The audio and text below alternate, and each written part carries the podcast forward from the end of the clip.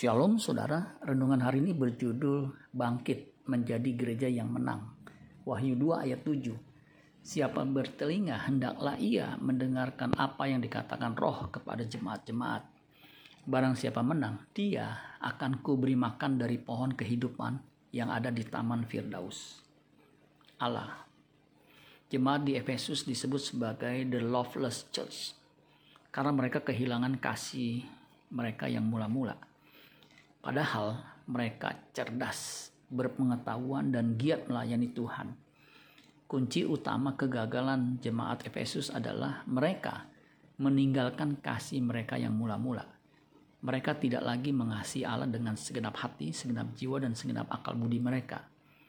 Ingat, mengasihi Allah itu berproses. Kita harus mencapai fase di mana tidak ada lagi yang kita inginkan selain Tuhan Mazmur 73 ayat 25 dan 26. Siapa gerangan ada padaku di sorga selain engkau? Selain engkau tidak ada yang kuingini di bumi.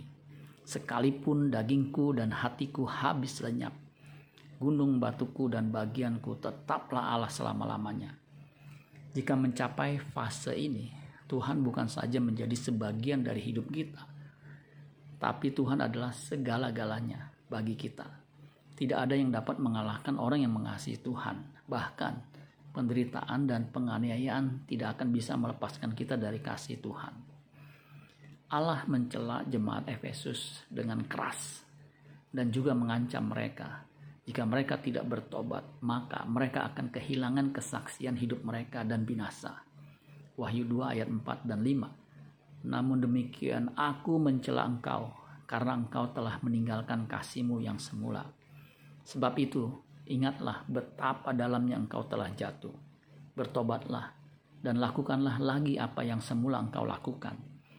Jika tidak demikian, aku akan datang kepadamu dan aku akan mengambil kaki dianmu dari tempatnya jikalau engkau tidak bertobat. Jika ingin menjadi gereja yang menang secara individu, organisme, maupun secara organisasi, maka gereja tidak boleh meninggalkan kasih mula-mula kita harus berkomitmen untuk mengasihi Allah dan melayaninya dengan sungguh-sungguh, rela menderita bagi Kristus agar dimuliakan bersama dengan Dia. Bahkan, kita harus berani berkata, "Biarlah saya terkutuk jika saya tidak mengasihi Tuhan." Jadilah gereja yang menang, karena itulah yang berkenan kepada Allah. Amin buat firman Tuhan.